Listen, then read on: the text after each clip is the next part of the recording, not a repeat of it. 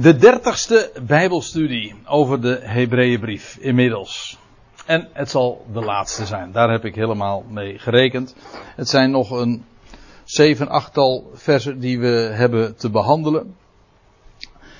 Van deze brief. En dat moet toch lukken. Ik had de vorige keer al eigenlijk er min of meer rekening mee gehouden. Dat het een afsluitende avond zou worden. Maar dat is er dus niet meer gelukt. Dus het laatste gedeelte van deze Hebreeënbrief. En voordat ik dat ga aanpakken bij, en de, de draad weer ga oppakken bij waar we gebleven zijn, en gebleven waren de vorige keer, stel ik voor dat we eerst nog eventjes in herinnering roepen wat we de vorige keer hebben gezien en behandeld. Het ging vanaf het 11e tot het 14e vers. Je kunt zo eventjes terugbladeren over dat thema buiten de legerplaats. Waar we in vers 11 zagen dat het zondoffer, waarvan het bloed werd gebracht in het heiligdom, maar waarvan het lichaam verder werd verbrand buiten de legerplaats. En dat is eh, heel typerende posities, dat hebben we toen ook overwogen. En misschien mag ik het nog een keer eh, herhalen. Het zijn hele typerende posities in de Hebreeënbrief. Namelijk in het heiligdom aan de ene kant.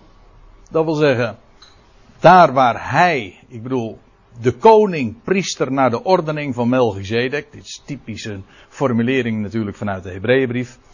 Waar hij momenteel gezeten is. Dat wil zeggen in het heiligdom, waar het aardse heiligdom slechts een type van is. En aan de andere kant buiten de legerplaats buiten de, het gevestigde godsdienstige systeem. Wat ooit door God was ingesteld, dat wel. Maar nu uh, moest men maken dat men wegkwam. Men moest buiten de legerplaats uh, zijn. Wel, dat wordt al uitgebeeld in dat zondoffer. Het zondoffer dat op grote verzoendag, trouwens, dat is over twee dagen op de Hebreeuwse kalender. Het is vandaag 8 Tishri en morgen dus de negende en zaterdag is het 10 Tishri. Dat is de dag van verzoening. Yom Kippur. En het is op die dag dat dit uh, gebeurde. Wel, daar verwees de schrijver naar in vers 11. En hij lekt, trekt dan direct de voor de hand liggende parallel met het gegeven dat Jezus ook buiten de poort geleden heeft. Ook dus letterlijk buiten de legerplaats. En is dan de conclusie in vers 13, laten we tot hem uitgaan, buiten de legerplaats. En de, de parallel met Mozes, zoals ligt direct voor de hand, want in Exodus 33 lees je dat Mozes dat ook ooit heeft gedaan. Dat hij zijn tent spande buiten de, tent, buiten de legerplaats en daar moest het volk zijn. Dat was toen ter gelegenheid van de, de afgoderij met dat gouden kalf. Maar in elk geval, buiten de legerplaats moest men zijn. En dan in uh, het navolgende vind je een aantal kenmerken, geestelijke of zo u wilt, morele kenmerken van wat dat is buiten de legerplaats. Wel, er staat dan in vers 14, wij hebben hier geen blijvende stad. Dat is letterlijk zo natuurlijk voor die Hebreeën. We moeten altijd de concrete situatie van die Hebreeën in ogenschouw nemen. Het ging om de stad Jeruzalem. We hebben hier geen blijvende stad, maar we zoeken de toekomende.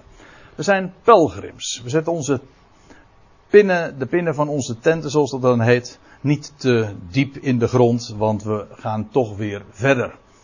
Wij horen hier niet. We zijn hier vreemd, dat is ook weer een term trouwens uit Hebreeën 11, vreemdelingen en bijwoners outcast, letterlijk en figuurlijk. Zeker ook voor die Hebreeën. En dan vers 15 laten we voortdurend goden een lofoffer brengen. Buiten de legerplaats, dat, daar bevinden zich pelgrims, daar bevinden zich aanbidders, godlovers, die door Jezus Christus altijd God loven en bezingen. Vergeet daarbij, werd in vers 16 dan opgemerkt, de weldadigheid niet en de mededeelzaamheid niet.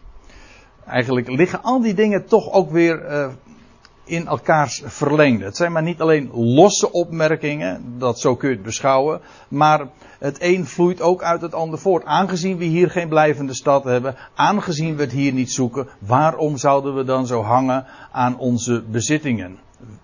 Deel daar gewoon van uit. Weldadigheid, mededeelzaamheid.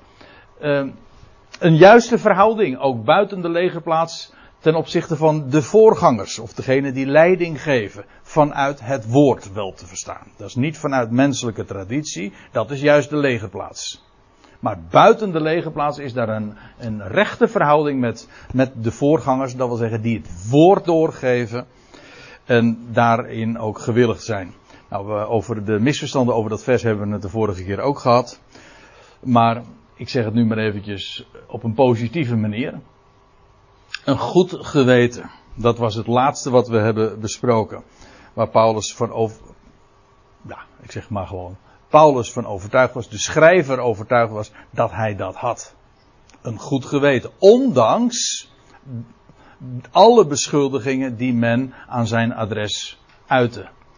En nou, als ik het zo heb samengevat, dan kunnen we nu meteen ook overstappen naar de, de echte bespreking dus.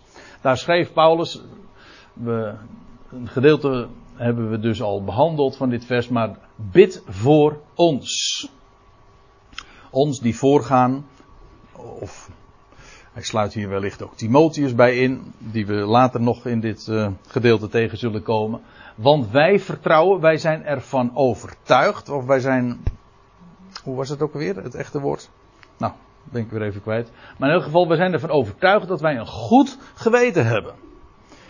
Paulus, dus heel opmerkelijk, juist vanavond, vlak voordat ik wegging, heb ik dat nog eens eventjes nagekeken. Maar hoe vaak dat bijvoorbeeld ook in het boek Handelingen genoemd wordt. Dat Paulus zich erin voor inspande ook altijd een onergerlijk, zo staat het geloof ik in de Statenvertaling, een goed geweten te hebben. Voor God en mensen. Eerlijk, recht.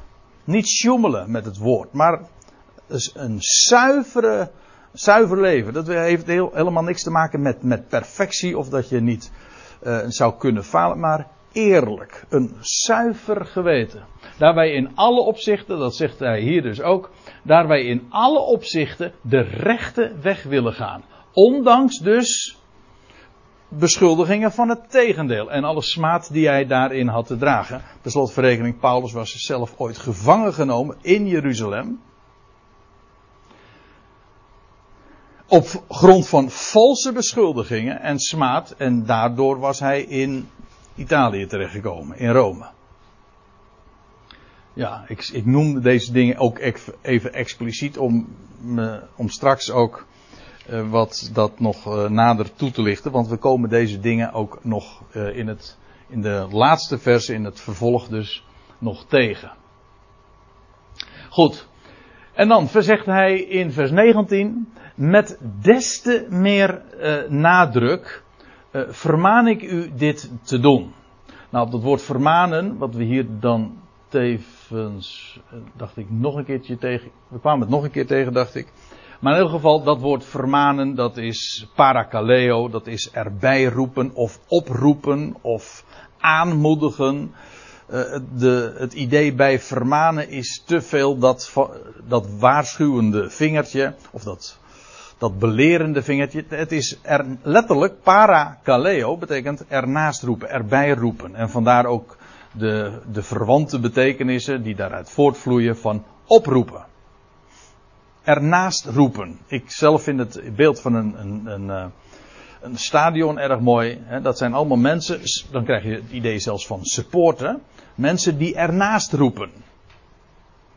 Die ernaast, naast de spelers, naast de, de sporters staan en die dat uh, aanmoedigen en oproepen en er letterlijk dus naast roepen, ja. Goed, dus niet dat idee van vermanen. Maar met des te meer nadruk roep ik u op dit te doen, dat wil zeggen voor ons te bidden, opdat ik u te eerder teruggegeven mogen worden. Goh, dit is, uh, het is een vertaling uit 1951. En uh, het is toch hoog tijd dat er weer eens een nieuwe Bijbelvertaling komt. Hè? In wat uh, moderne Nederlands. Ik weet niet of u het gevolgd hebt de laatste dagen. Ja, er komt er weer eentje aan. Ja. En uh, we hebben. Ja, het, het is echt vrijwel jaarlijks dat er weer een, een, een nieuwe vertaling in nog moderner Nederlands gepubliceerd wordt. Want nu had vandaag of gisteren was het dat koning Willem-Alexander had een, een Bijbel in ontvangst genomen in, in, het centrum, in een centrum daar in Den Haag. En het is nu ook weer een, opnieuw een, een, vertaling van de NBG. Die dus een paar jaar terug de NBV, de nieuwe Bijbelvertaling, gepresenteerd Maar nu hebben ze een Bijbelvertaling in gewoon Nederlands. Dat uh, in taalgebruik dat uh, ook, ik las, uh, dat 12, 13-jarigen ook kunnen volgen in hun taalgebruik. Heel simpel. Maar waar ik heb een aantal passages gezien van voorbeelden. En wat, je, wat ik daarbij altijd dan weer zo frappant vind. Kijk, ja, goh, eh, ik wil nu niet te veel uitweiden over zo'n vertaling. Maar het is om in duidelijke, concrete, eh, wat mij betreft simpele taal iets uit te drukken. Dat is hartstikke goed. Dat is, lijkt mij zeer lovenswaardig. Maar het eerste wat je toch wil, is dat je de dingen vertelt zoals het staat opgetekend. Maar er zit zo enorm veel interpretatie bij. Zoveel, uh, ja, de visie zoals de vertalers het hebben begrepen, zo het algemeen verstaan wordt, zo geeft men het dan weer. Dus in plaats van dat je de gedachten zoveel als mogelijk vanuit het woord krijgt, krijg je, uh, wordt het gefilterd door dat wat de vertalers eruit opmaken. Nou, ik heb daar hele verbande voorbeelden van gezien. Ik wil er graag nog eens een keertje op terugkomen eh, in een blogje of zo. Maar hoe kom ik er nu even op? Omdat dit natuurlijk wel een, ja, wat een, een, hele haast in onze oren oud-Nederlandse constructie is, om het zo te zeggen, u te eerder teruggegeven mogen worden. Hm? ik denk wel eens een keer, we worden zo, we worden steeds luier ook. In plaats van dat we gewoon moeite doen en willen doen om zo dicht als mogelijk bij de schrift te komen, is het nu eigenlijk vooral uh, de Bijbel uh, bij de mensen te brengen, in plaats van de mensen bij het woord te brengen. Dat is een groot verschil. Maar goed, dat dus even over die MBV. Of nee, ik weet eigenlijk niet, wat is de, samen, de afkorting van de nieuwe uitgave? Gewone gewone, gewone Bijbel. ja.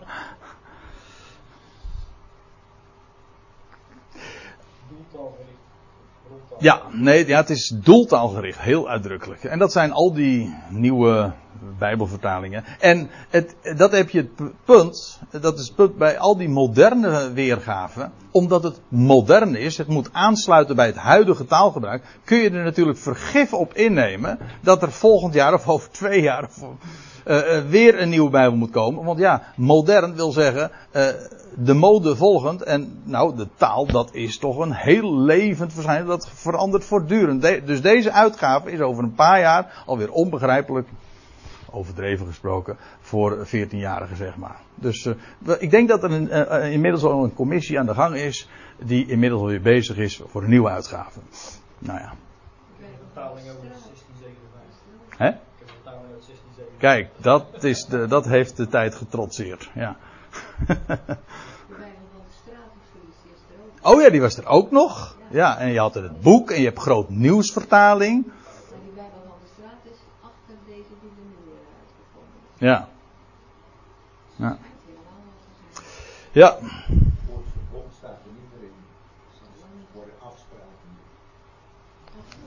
Oké. Oké. Ja, en, en, Paulus eh, is een doorn in vlees ook kwijt, wat ik had begrepen. Stond er. ja, ja, nou dat is dus een typisch voorbeeld, want er wordt er gezegd uh, in de nieuwe vertaling, hou me, hou me even te goed op, want ik citeer nu even uit het hoofd, maar het kwam er, uh, de weergave kwam erop neer dat Paulus last had van een, een, een probleem in zijn lichaam. Zo wordt het dan weergegeven, zoiets. Maar dat is, nog, dat is dus interpretatie, want die doorn voor het vlees, is dat inderdaad een, een, een lichamelijke aandoening? Ik geloof er helemaal niks van. Maar ik, het gaat er nou even niet om op wat, wat het is. Maar waar je toch in ieder geval niet op zit te wachten, is dat een vertaler uh, de lezers of het publiek opzadelt met hun eigen visie. En ik weet wel, de vertaler kan nooit helemaal zich ver, ver, verstoppen en die komt daar altijd in mee, maar je zou dat toch in ieder geval maximaal moeten zien te vermijden. Nou, dat is dus niet de gedachte bij dit soort uh, uitgaven. Hè? Ja, ik het zou me ook niet verbazen of dat de kleurplaten in staan. En... uh, Oké, laten we even bij de les weer komen. Uh, er staat hier dit. Uh, dit is dus ook niet erg snelle vertaling, dat geef ik ook direct toe. Maar opdat ik sneller hersteld mogen worden tot jullie. U ziet het in deze woord voor woord weergave. Hersteld mogen worden, dat geeft aan. hij was, kijk, de schrijver, we hadden daar al eerder over. Paulus was gevangen genomen daar in Jeruzalem. En nu zou hij uit gevangenschap weer tot hen terugkeren. En de, dit duidt trouwens ook aan, dat woordje hersteld mogen worden, geeft aan, uh, niet alleen maar dat ik weer naar jullie toe kom, ook dat, we zullen, een paar versen later zullen we ook inderdaad zien dat de schrijver van plan is om naar de Hebreeën toe te gaan en om hen te bezoeken. Maar het duidt er mogelijk ook op dat er verstoorde verhoudingen waren. Nou, als we denken aan Paulus die in Jeruzalem gevangen is genomen, is dat natuurlijk niet zo'n gekke gedachte. Maar hij roept hen dus op met des te meer nadruk voor hem te bidden dat ze inderdaad dat hij sneller hersteld mogen worden tot jullie. Dat wil zeggen dat het weer goed komt en dat hij daar ook weer zou, uh, hen zou bezoeken. En dan, vers 20. De God nu van de vrede. En dat is trouwens ook een typisch Paulinische term. Zoek het maar eens een keertje op. Het Testament. Sterker nog, het, je vindt hem alleen maar bij Paulus. Nou ja, en dan ga ik er dus even vanuit dat de Hebreeënbrief ook van Paulus uh, is. Maar goed, daar ben ik uh, min of meer ook de hele studieserie van uitgegaan. Maar één ding is zeker, kijk het maar naar in de concordantie. De God nu van de vrede, dat is een uitdrukking die je juist iedere keer weer bij Paulus vindt. En uitsluitend bij hem. En wat natuurlijk geen bewijs is, dat weet ik ook wel, dat, dit, eh, dat dit, deze brief is geschreven door, eh, door Paulus. Maar het is wel weer een bevestiging daarin. En dan trouwens nog iets, want de God nu van de vrede. En dat, een, als uitdrukking hier in de Hebreeënbrief, is heel veelzeggend. Denk even aan de omstandigheden. Ik heb dit, dit plaatje erbij gezet. Eh, van, dit is een, eh, een boek in het Nederlands vertaald van Flavius Josephus. Dat was een beroemde, een van de beroemdste uh, geschiedschrijvers, misschien wel. Een van de bekendste. En die heeft een boek geschreven, heel bekend, De Joodse Oorlog. En met uh, tevens ook de uitgave Uit Mijn Leven. De Joodse Oorlog, The Jewish War. Uh, dat boek uh, is, is heel bekend. Daarin geeft Flavius Josephus, hij was een Jood. maar hij was werkzaam onder de Romeinen. Hij geeft een heel uitgebreid verslag over de tijd die voorafging aan de verwoesting van Jeruzalem in het jaar 70 en de Joodse oorlog de jaren daarvoor af. Uh, en de Joodse opstand ook. Want die jaren voor de verwoesting van Jeruzalem is enorm turbulent geweest. In, in alle opzichten, niet alleen maar vanwege de druk van de, vanuit de Romeinen, in politiek opzicht, maar ook in geestelijk opzicht, de stromingen onder dat volk enorm turbulent. En Flavius Josephus beschrijft dat tot op de wijze uh, waarop de stad is inderdaad helemaal is te, ja, teniet gegaan en, en verwoest is en in vlammen is opgegaan. Jo, Flavius, wij weten juist zoveel over al die gebeurtenissen, omdat hij dat zo uitgebreid in zijn boekwerken heeft beschreven.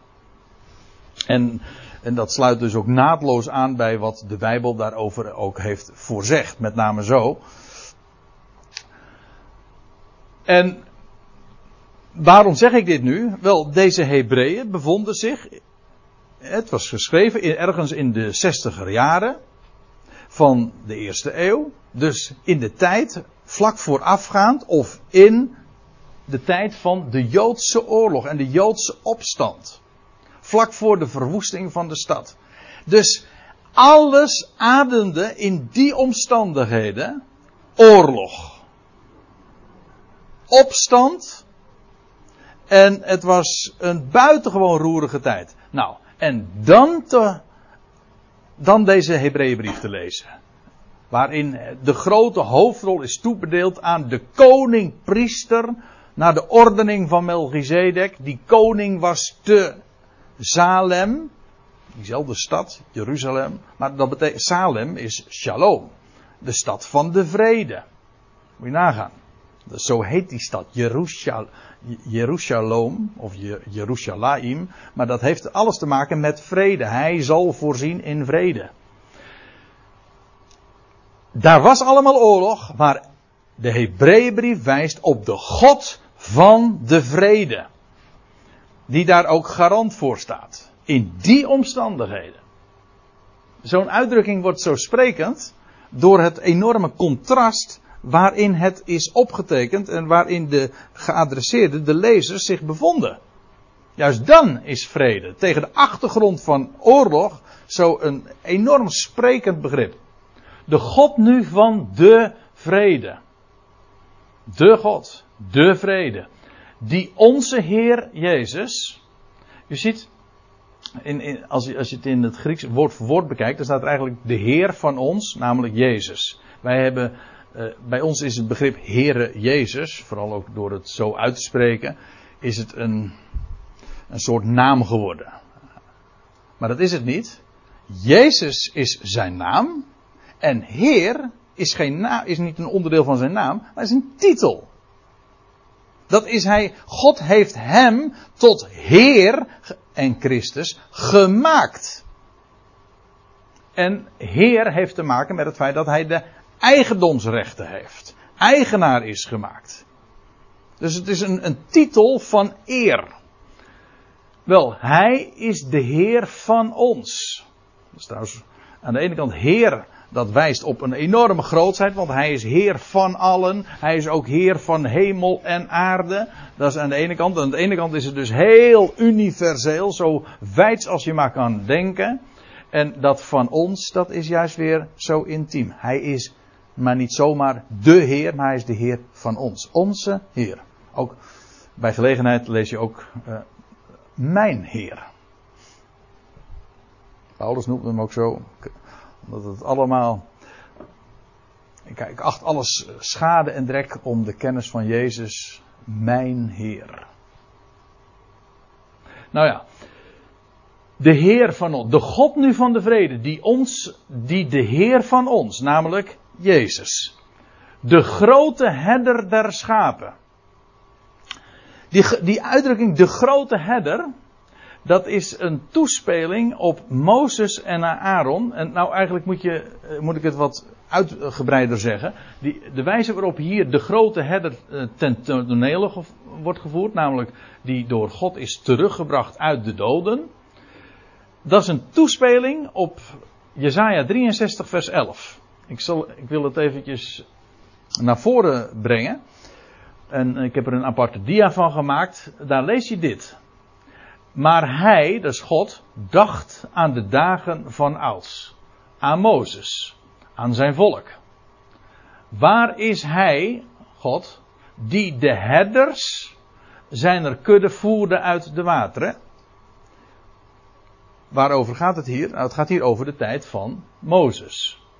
Die het volk voerde uit de wateren. Maar zo staat het er niet. Er staat die de herders van zijn kudde voerde uit de wateren. En die herders, ja, wie zijn dat? Nou, dat lijkt me niet zo moeilijk. Dat, is, dat zijn Mozes en Aaron. Dat verzin ik niet, want dat staat dan weer in Psalm 77. Want daar lees je. Nou, Gij leidet uw volk als een kudde. Weer dat beeld van een herder. Gij leidet uw volk als een kudde. Door de hand van Mozes en Aaron. Mozes, de middelaar van het oude verbond. Maar Paulus spreekt nu juist over het nieuwe verbond. Waarbij Mozes de middelaar van het uh, oude verbond is. Aaron is de grote priester. Mozes leidde het volk als koning. Als koning. En Aaron was de leider als priester. Ik zeg het nu expres even zo, omdat daarmee weer je spreekt over koning en priesterschap. Maar in elk geval, die twee zijn. Ik ga even terug naar dat vers. Die zijn uh, uit de wateren gevoerd. En met hen de hele kudde. En ik vind het zo mooi. Want zoals ooit het volk om bij het oude verbond, bij de hun verlossing, de wateren, ja, dat is een mooie beeldspraak hè. Het was met recht een verlossing, dat is eigenlijk een geboorteterminologie. De wateren braken en het volk ging door de Rode Zee onder leiding van Mozes en Aaron werden uit de wateren gevoerd. Een beeld uiteraard van dood en opstanding. Door de doodswateren, want het waren echt doodswateren. En dat, uh, daar kwamen de Egyptenaren niet lang daarna wel heel erg tragisch achter. Dat het doodswateren waren. Maar Israël werd door de dood heen geleid onder leiding van de, hun voorgangers. Mozes en Aaron. En die, is, een, dat is dus inderdaad een beeld van de dood, maar ook van opstanding. Vooral dat. En dat lees je ook nog, dat vind ik ook dan zo mooi. Uh, hoe ging dat in zijn werk? Mozes moest de staf opheffen. En zo splijten de wateren en zo werd er een weg zo dwars door de dood heen gevoerd. En naar de andere kant. Naar het leven. Vanuit de dood naar het leven. Trouwens, dat beeld van die kudde, dat Israël de kudde is, dat zie je zo enorm vaak. Hier zie je het, gij leidt uw volk, Israël, als een kudde door de hand van Mozes en Aaron. Maar wat dacht je van een, psalm verder, psalm 78? Hij liet zijn volk als schapen optrekken. Hij leidde hen als een kudde door de woestijn. Wow, je zou een hele lijst van schriftplaatsen allemaal kunnen noemen. Waarbij Israël vergeleken wordt met een kudde. Heb er hier nog eentje. Die vind ik in dit verband helemaal mooi. Jeremia 31, vers 10. Hoort het woord van de Heere, o volkeren. Verkondigt het in verre kustlanden en zegt: Hij die Israël verstrooide, zal het verzamelen en het behoeden, zoals een herder zijn kudde. Israël is die kudde. Israël is dat, dat volk dat als, een, als schapen weer verzameld, gebracht, verzameld wordt. En uh, gebracht wordt in de grazige weiden. En daar ook uh, niet alleen verzameld, behoed en gewijd zal worden. Uh, ik geef nu even deze schriftplaatsen door. Maar het lijstje zou met tientallen vermeerderd kunnen worden.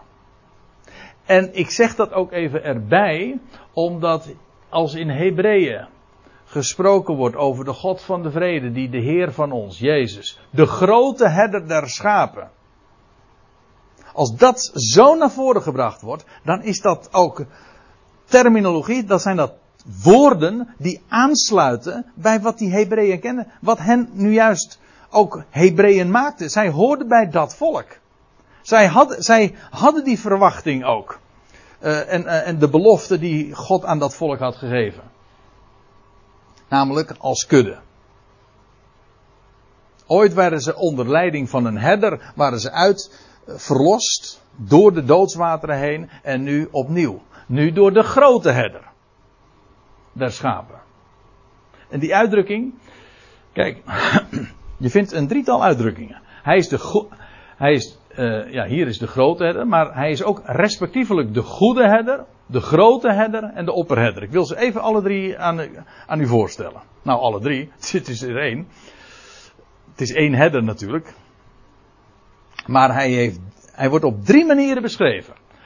Johannes 10, vers 11. Dan lees je dat de Heer Jezus zegt: Ik ben de goede herder.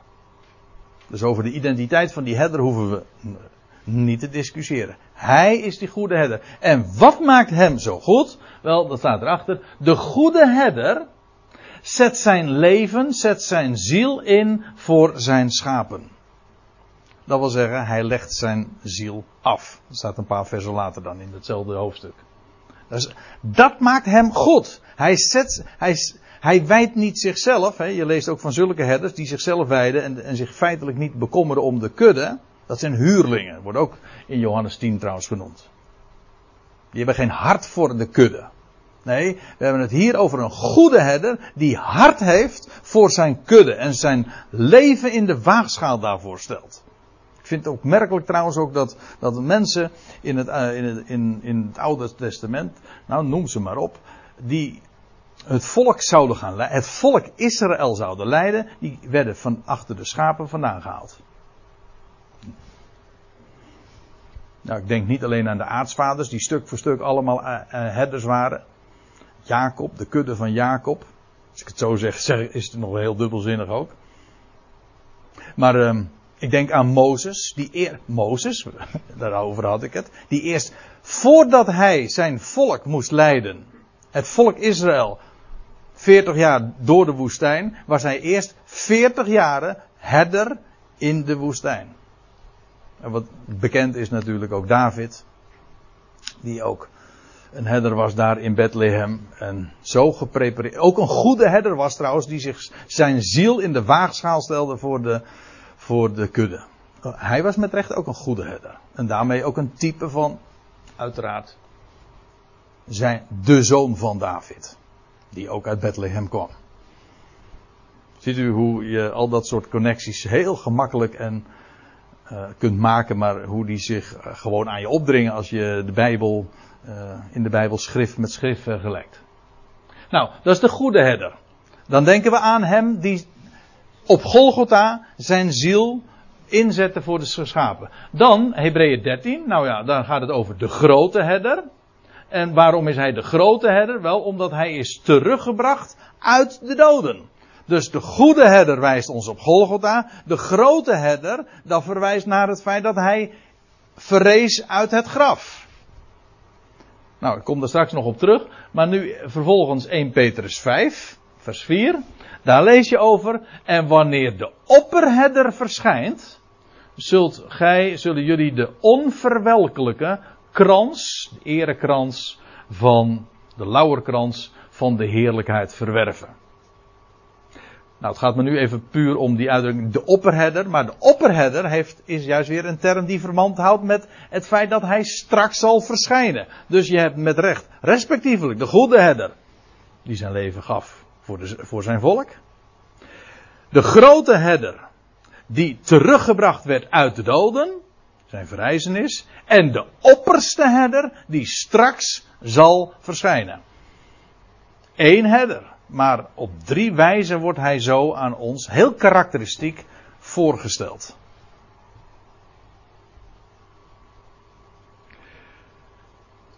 Ik lees even verder. Dan staat er uh, de God van de vrede, ik lees de hele zin nog maar even, die de Heer, die de Heer van ons, namelijk Jezus, de grote herder der schapen, door het bloed, of letterlijk staat er in bloed, en bloed verwijst uiteraard naar een slachting. Bloed zie je normaal gesproken niet, maar als er een slachtoffer is, dan zie je bloed. Bloed verwijst altijd naar de offerdienst. Daar waar dieren geslachtofferd werden. Wel, hij is in bloed van een eeuwig verbond. Ik, ik ga nu echt. Het is haast woord voor woord ga ik er doorheen. Maar dit, is ook zo, zijn zulke geweldige uh, afsluitende woorden. Hier staat zoveel in. Hij zegt in bloed van een eeuwig verbond. Maar als de schrijver hier spreekt over een eeuwig verbond, een ionisch verbond. Verbond van ionen of met betrekking tot de ionen. Dat is ook weer een profetische term. Ik kan, ik kan het u zo Ik geef uh, drie voorbeelden daarvan. Ik kan het u zo uit de schrift laten zien. Uh, in de eerste plaats wijs ik u op Jesaja 55. Een eeuwig verbond. Daar staat, neigt uw oor en komt tot mij. Hoort, opdat uw ziel leven. Wat dus eigenlijk betekent dat ze in een doodstoestand zijn. En hoe krijg je leven? Door te luisteren naar woord, want het woord is levend. En nou staat het, ik zal, God belooft, ik zal met u, met jullie, Israël, een eeuwig verbond sluiten. Hier heb je hem. Het een eeuwig verbond sluiten. Dit is, een, dit is dus een toekomstige zaak. Hè? Ik zal. Want je leest bijvoorbeeld van het verbond met Abraham. Is ook een eeuwig verbond. eeuwig, waarom? Dat is, daar, er zijn geen condities aan verbonden voor de mens. De mens kan het nooit ver, verprutsen. Dus daarom is het ook een, een verbond der belofte. Dat is een, het wordt ook in de theologie genoemd dan, ik denk terecht, een genadeverbond. Dat wil zeggen, het is totaal niet afhankelijk van de prestaties van de mens. God had een verbond met Abraham gesloten. Maar ook dit, dat nieuwe verbond, wat in de dagen van Jezaja nog gesloten moest worden, trouwens in onze dagen strikt genomen ook. De basis van dat verbond is al gelegd. Bloed heeft al gevloeid. Maar niettemin, het verbond moet nog gesloten worden met het volk. Ik zal met u een eeuwig verbond sluiten. En dan staat erbij de betrouwbare genadebewijzen van David. Dat wil zeggen, alles wat ik beloofd heb aan David. Betrouwbaar. En beloofd, ik zal het geven. Uh, en dat hele Davidische koningshuis daar in Jeruzalem, wel. Dat. Uh, dat valt samen. Als, als met dat volk het eeuwig verbond gesloten zal worden, dan hangt dat samen met de betrouwbare genadebewijzen van David. Het, de vervallen hut van David zal weder opgebouwd worden. Dat wil zeggen dat koningshuis, die hele dynastie, die duizenden jaren inmiddels niet meer bestaat, maar die zal in ere herstellen, in glorie. En wel, dat is dat eeuwige verbond. Heb ik er nog één. Jeremia 32. Ik zal hun, gaat het over weer God die aan het woord is. Ik zal hun een hart en een weg geven, zodat zij mij vrezen, al de dagen, hun en hun kinderen na hen ten goede. Dus belofte. Trouwens, in Jeremia 31 had God ook dat nieuwe verbond al aangekondigd. Ik zal in te dien dagen met het huis van Israël en het huis van Juda een nieuw verbond sluiten. En hier staat het weer. En God zal hen dan een hart geven, zodat zij mij zullen vrezen al de dagen. En dan staat er, ja, ik zal een eeuwig verbond, hebben we hem weer. Ziet u dat als de Hebreeën schrijver het over een eeuwig verbond heeft, dat hij maar niet zomaar zelf een nieuwe term introduceert, maar dat hij teruggrijpt op termen die de profeten van Israël al vele eeuwen van tevoren hadden gebezigd en hadden beschreven. Ja, ik zal een eeuwig verbond met hen sluiten, dat ik mij niet van achter hen, uh, pardon, dat ik mij niet van achter hen afwenden zal en dat ik hun wel zal doen. En mijn vrees, de vrezen voor mij, de vrezen des Heren, zal ik in, zal ik in hun hart liggen. Zodat zij, mij, zij niet van mij afwijken. Ik zal mij over hen verblijden en hun weldoen. En ik zal hen voorgoed in dit land plaatsen. Ziet u ook hoe dat eeuwig verbond alles te maken heeft met Israël, met Juda, met dit land, met dat volk, met die kudde, met de Hebreeën dus. En dus ook met dat, met dat nieuwe verbond, wat zo'n grote rol in de Hebreeënbrief uh, speelde. We hebben nog maar uh, een paar hoofdstukken hiervoor, ik bedoel in Hebreeën 8, vind je dat lange citaat. Van, dat de schrijver dan doet uit Jeremia 31. Over de aankondiging van het nieuwe verbond. Wel, hier exact hetzelfde. Hier heet het dan niet het nieuwe verbond, maar het eeuwig verbond, waarmee aangegeven is dat verbond dat trotseert de Ionen. Het gaat niet voorbij. het zal niet door een mens te niet gedaan worden. En dan heb ik er nog één, dat is de laatste die ik in dit verband wil noemen als, als een profetische aankondiging van een eeuwig verbond. Dan staat er in, in Ezekiel 37, vers 26.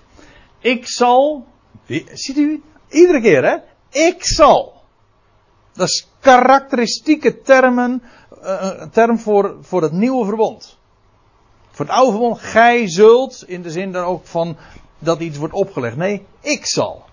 Ik zal met hen een verbond van vrede sluiten. Een eeuwig verbond met hen zal het zijn. Ik zal hun een plaats geven, hen vermeerderen en mijn heiligdom voor eeuwig te midden van hen stellen. En waar die plaats is, dat lijkt me niet zo moeilijk. Dat is gewoon natuurlijk Jeruzalem, de stad van de grote koning, de, de stad van de koning-priester. Naar de ordening van Melchizedek, die per slotverrekening ook in Jeruzalem koning-priester was. En dan is er eigenlijk gewoon de cirkel weer rond. Het nieuwe verbond, is dat van dezelfde orde als het verbond met uh, Abraham? Ja, ja misschien, ik zal even de vraag herhalen of dat nieuwe verbond hetzelfde is, of van dezelfde. Van hetzelfde kaliber, zeg maar, als het verbond met Abraham. Ja, als ik mij vraag wel. Als, voor, zo, voor zover ik het versta, is dat nieuwe verbond niets anders dan de vervulling ook van dat verbond met Abraham. Het is dat verbond met Abraham, Paulus legt het uh, omstandig uit in Galaten 3, dat is ook een verbond het, van puur belofte. Dan zegt Paulus er nog bij in Galaten 3 van ja, later is de wet erbij gekomen, dat, dat oude verbond. Maar dat maakte de, het, eh, het, het verbond dat eerder gesloten was met Abraham bepaald niet, uh, hoe staat het er dan? Uh, krachteloos, ja, zoiets ja. Met andere woorden, dat was een belofte die God had gegeven. Ook allemaal, ik zal, ik zal. En dat vindt zijn vervulling feitelijk in dat nieuw verbond dat straks gesloten zal worden met Israël. Dus ik zie dat puur in elkaars verlengde. Ook weer omdat het ook dezelfde, omdat het ook dezelfde aard heeft. Er zijn dus geen menselijke condities aan verbonden. In die zin van menselijke voorwaarden. Dat is precies, dat was de tragiek van het oude verbond. Waardoor uh, het uh, in no time feitelijk al verouderd was letterlijk en figuurlijk, de documenten van het oude verbond, die waren al verbroken voordat Mozes van de berg afkwam. Ik bedoel, die stenen tafelen dus. En toen, kreeg, en toen kwam er een nieuwe set stenen tafelen. Een uitbeelding van het nieuwe verbond. En dat werd veilig bewaard. Waarom? Omdat dat in de ark, in het binnenste gelegd werd. Van de ark, als type ook van Christus natuurlijk. Ja. Dan nog even verder in vers 20. Uh, eh, want ja, dat is dan weer het nadeel als je een zin in allerlei stukjes hakt. Dan uh, raak je op een gegeven ogenblik even kwijt van. Zeker als je dan nog naar allerlei andere schriftplaatsen ook gaat. Dan raak je even uh, kwijt van waar ging het ook alweer over? Nou, het ging over, over de grote herder der schapen. Namelijk de Heer van ons, Jezus. Die in bloed van een eeuwig verbond uh, oh ja, maar het is dan de God van de vrede die dat doet. Hem heeft teruggebracht uit de doden. Hier die expliciete verwijzing naar het feit dat hij opgestaan is uit de doden. U ziet hier trouwens, er staat uh, omhoog geleid. Ja, heeft teruggebracht. Eigenlijk staat hier uh, een, een beeld van iets opwaarts leiden. En ik wijs daar even op. Waarom?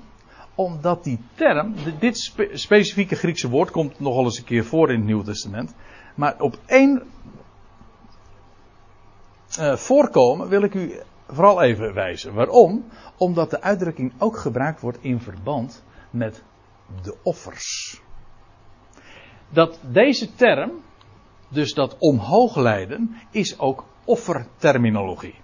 En ik zal u eh, de schriftplaats noemen waar ik op doel. En dat is in Handelingen 7, vers 41. En daar lees je. En nou we, zijn we weer even in die geschiedenis van, dat die, van de afgoderij met het gouden kalf. En dan lees je. En zij, dat is Israël, zij maakte een kalf in die dagen. En brachten een offerande aan de afgod en verheugden zich over de werken hunner handen. Nou, even de hele context laten we voor het is, maar het gaat er hier. Zij brachten een offerande. Maar dit woord, brachten, dat is hetzelfde woord als wat we hier zagen. En hier wordt het vertaald met heeft teruggebracht. Wat ik ermee wil zeggen is dit. Dat, dat omhoog brengen is hier het omhoog brengen, namelijk een offer. Weet je wel, een offer dat opstijgt naar boven. En hier zien we weer zo'n schitterende, als u het mij vraagt, een schitterende bevestiging waar we het al heel vaak tijdens de bespreking van de Hebreeënbrief over gehad hebben. Namelijk dat een offer spreekt van de opstanding uit de doden. Het, de slachting spreekt van het sterven van Golgotha. Toen werd hij, ons is geslacht. Ja, de slachting vond plaats, maar dat is niet het offer. Het offer vindt plaats na de slachting. Namelijk als dat dier dat geslacht is, vervolgens omhoog gebracht wordt. Of, zal ik het nog anders zeggen, verrijst. Of verrees in de verleden tijd uit het graf. En hier zie je zo'n schitterende bevestiging, want hier lees je inderdaad over de grote herder der schapen die in bloed van een eeuwig verband. God heeft hem omhoogwaarts geleid uit de doden. Dit is terminologie die ook gebruikt wordt voor de offerdienst. Waarbij letterlijk ook sprake is van iets wat omhoog gebracht wordt. Dat is een prachtige bevestiging van een, een waarheid die, die, als je het hebt over de typologie, heel belangrijk is om te verstaan. Offers spreken van de opstanding uit de doden. Dat weet geen hond, als ik het even zo oneerbiedig mag zeggen. En mensen weten het ook al niet. Aankomende zaterdag, we hadden het erover, is het grote verzondag. Dan wordt er een offer gebracht. En meestal denkt men dan altijd, als het gaat om de typologie, uh, aan Golgotha. Maar mensen, denk vooral aan dat wat er na gebeurde. Toen hij verrees uit het graf. Toen hij omhoog geleid werd. Trouwens, weet u dat aankomende zaterdag het niet alleen Yom Kippur is, maar de moslims die vieren voor drie dagen. Hey, voor drie dagen, altijd is dat het offerfeest. Het offerfeest duurt drie dagen. Weten die, of, weten die moslims eh, veel waarom? Maar ik weet wel waarom. Want uh, het offerfeest, dat is 4 oktober, 5 oktober, 6 oktober. En wat, waar denken ze dan? Het is eigenlijk de happening voor moslims. Hè? Waar denken ze de moslims dan aan? Aan, de, aan het offer van Abraham, Ibrahim noemen zij hem. Dat, uh, dat Ibrahim Abraham bracht. Ik geef toe, ze hebben het vreselijk verdraaid, want zij, zij zeggen dat niet is Isaac geofferd is, of in ieder geval gebonden is, maar Ismaël.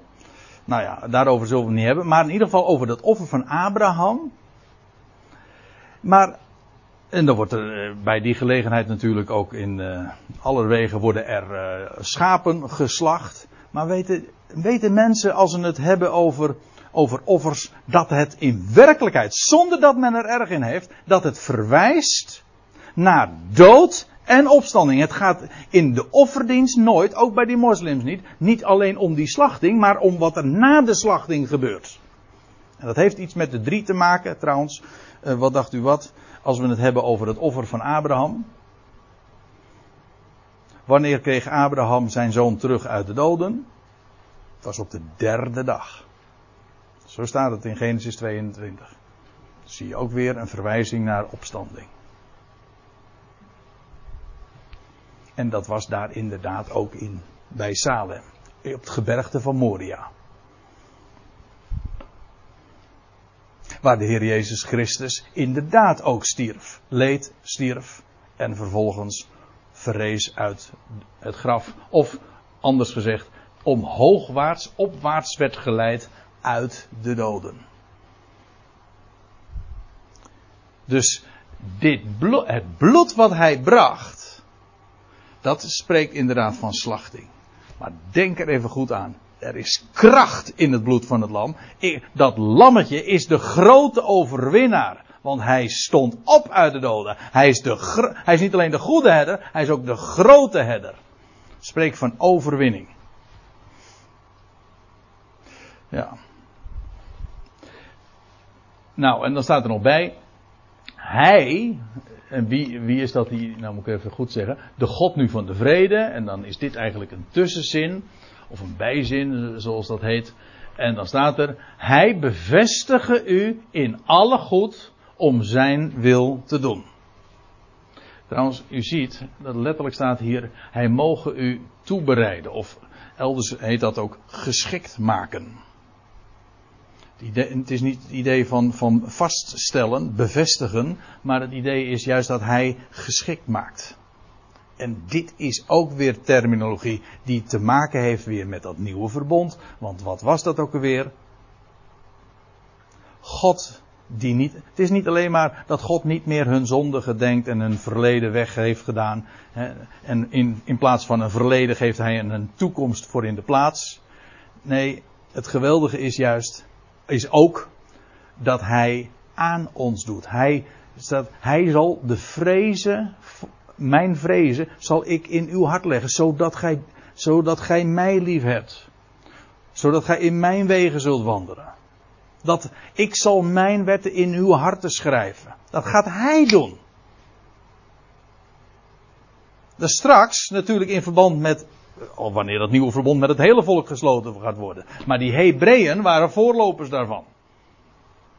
God, of in deze Hebreeënbrief eh, worden die Hebreeën gezien als voorlopers van het, het volk van Israël, van wat er straks met het hele volk gaat gebeuren. Zij kenden die, zij kenden de koning priester al die straks zal verschijnen. Wel, hij, de God van de bevrede, uh, ja, de God van de vrede, hij hij bereidt u toe. Hij maakt u geschikt.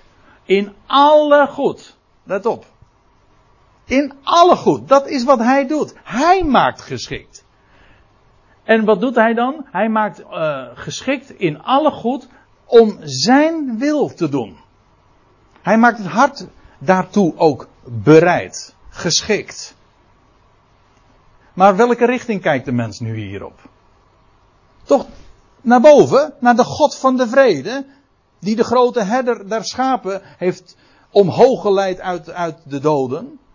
Ja, nou, hij, die God, die maakt geschikt in alle goed om zijn wil te doen. En staat er dan nog bij, terwijl hij aan ons, zoals u ziet trouwens, letterlijk staat er, terwijl hij in ons, dus komt nog dichterbij, gaat nog dieper, letterlijk en figuurlijk. Terwijl hij in ons doet, wat in zijn ogen wel behagelijk is. Wie is hier de handelende persoon? Dat is toch de God van de vrede? Hij maakt geschikt. Hij maakt geschikt tot alle goed. Hij maakt geschikt om zijn wil te doen. En hij is het ook die in ons doet wat in zijn ogen wel behagelijk is. Wat welgevallig is in zijn zicht. Hij is degene die dat doet. Hij is ook degene die dat, uh, ja, uiteraard daarvoor dan de eer krijgt. Eerlijk is eerlijk. Als hij het doet, krijgt hij de eer. Als wij het doen, krijgen wij de eer. Maar hij is het die dat doet. En ja, u ziet ook wat hier. Uh, dit heeft geen limits. In alle goed staat er. En hij doet dat. En er staat er nog bij. Uh, door Jezus Christus. Hele kenmerkende frase. Door Jezus, namelijk de Christus. De Messias. Hem zij de heerlijkheid. Ja, er is, is wat verschil van inzicht over uh, wie is nou die hem. Is dat nou de God van de vrede of is dat Jezus Christus? En uh, ik denk dat het de God van de vrede is door Jezus Christus. Als ik het zo. Dat is namelijk de wijze waarop het hier naar voren gebracht wordt. Het onderwerp is uiteraard God zelf, maar door Jezus Christus zij hem de heerlijkheid. En dan vervolgens in alle eeuwigheid. Ja, nou ja. Hè? aankomende zaterdag ga ik daar een, een, een studie in Leusden over, mag ik erover houden. Ik heb het afgelopen zondag trouwens ook al aangekondigd, maar toen ging het ook al over exact dezelfde term. Maar dan heb ik het over de overtreffende ionen. Als je, als je zo'n zo studie zou ik nou nooit kunnen geven uh, met de Grootnieuwsbijbel of met een Bijbel van, uh, hoe heet het, in gewoon, in gewoon Nederlands. Maar ja, ook al zelfs niet met de MBG-vertaling, ook niet met de Statenvertaling. Ik geef een studie over de overtreffende ionen.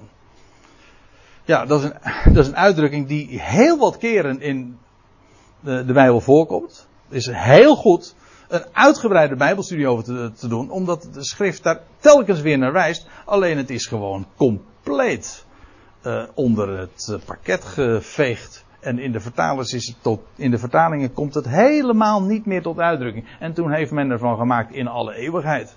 Terwijl er gewoon staat tot in de ionen van de ionen. En dat is een hele specifieke term. Het gaat over hele bijzondere ionen die andere ionen overtreffen.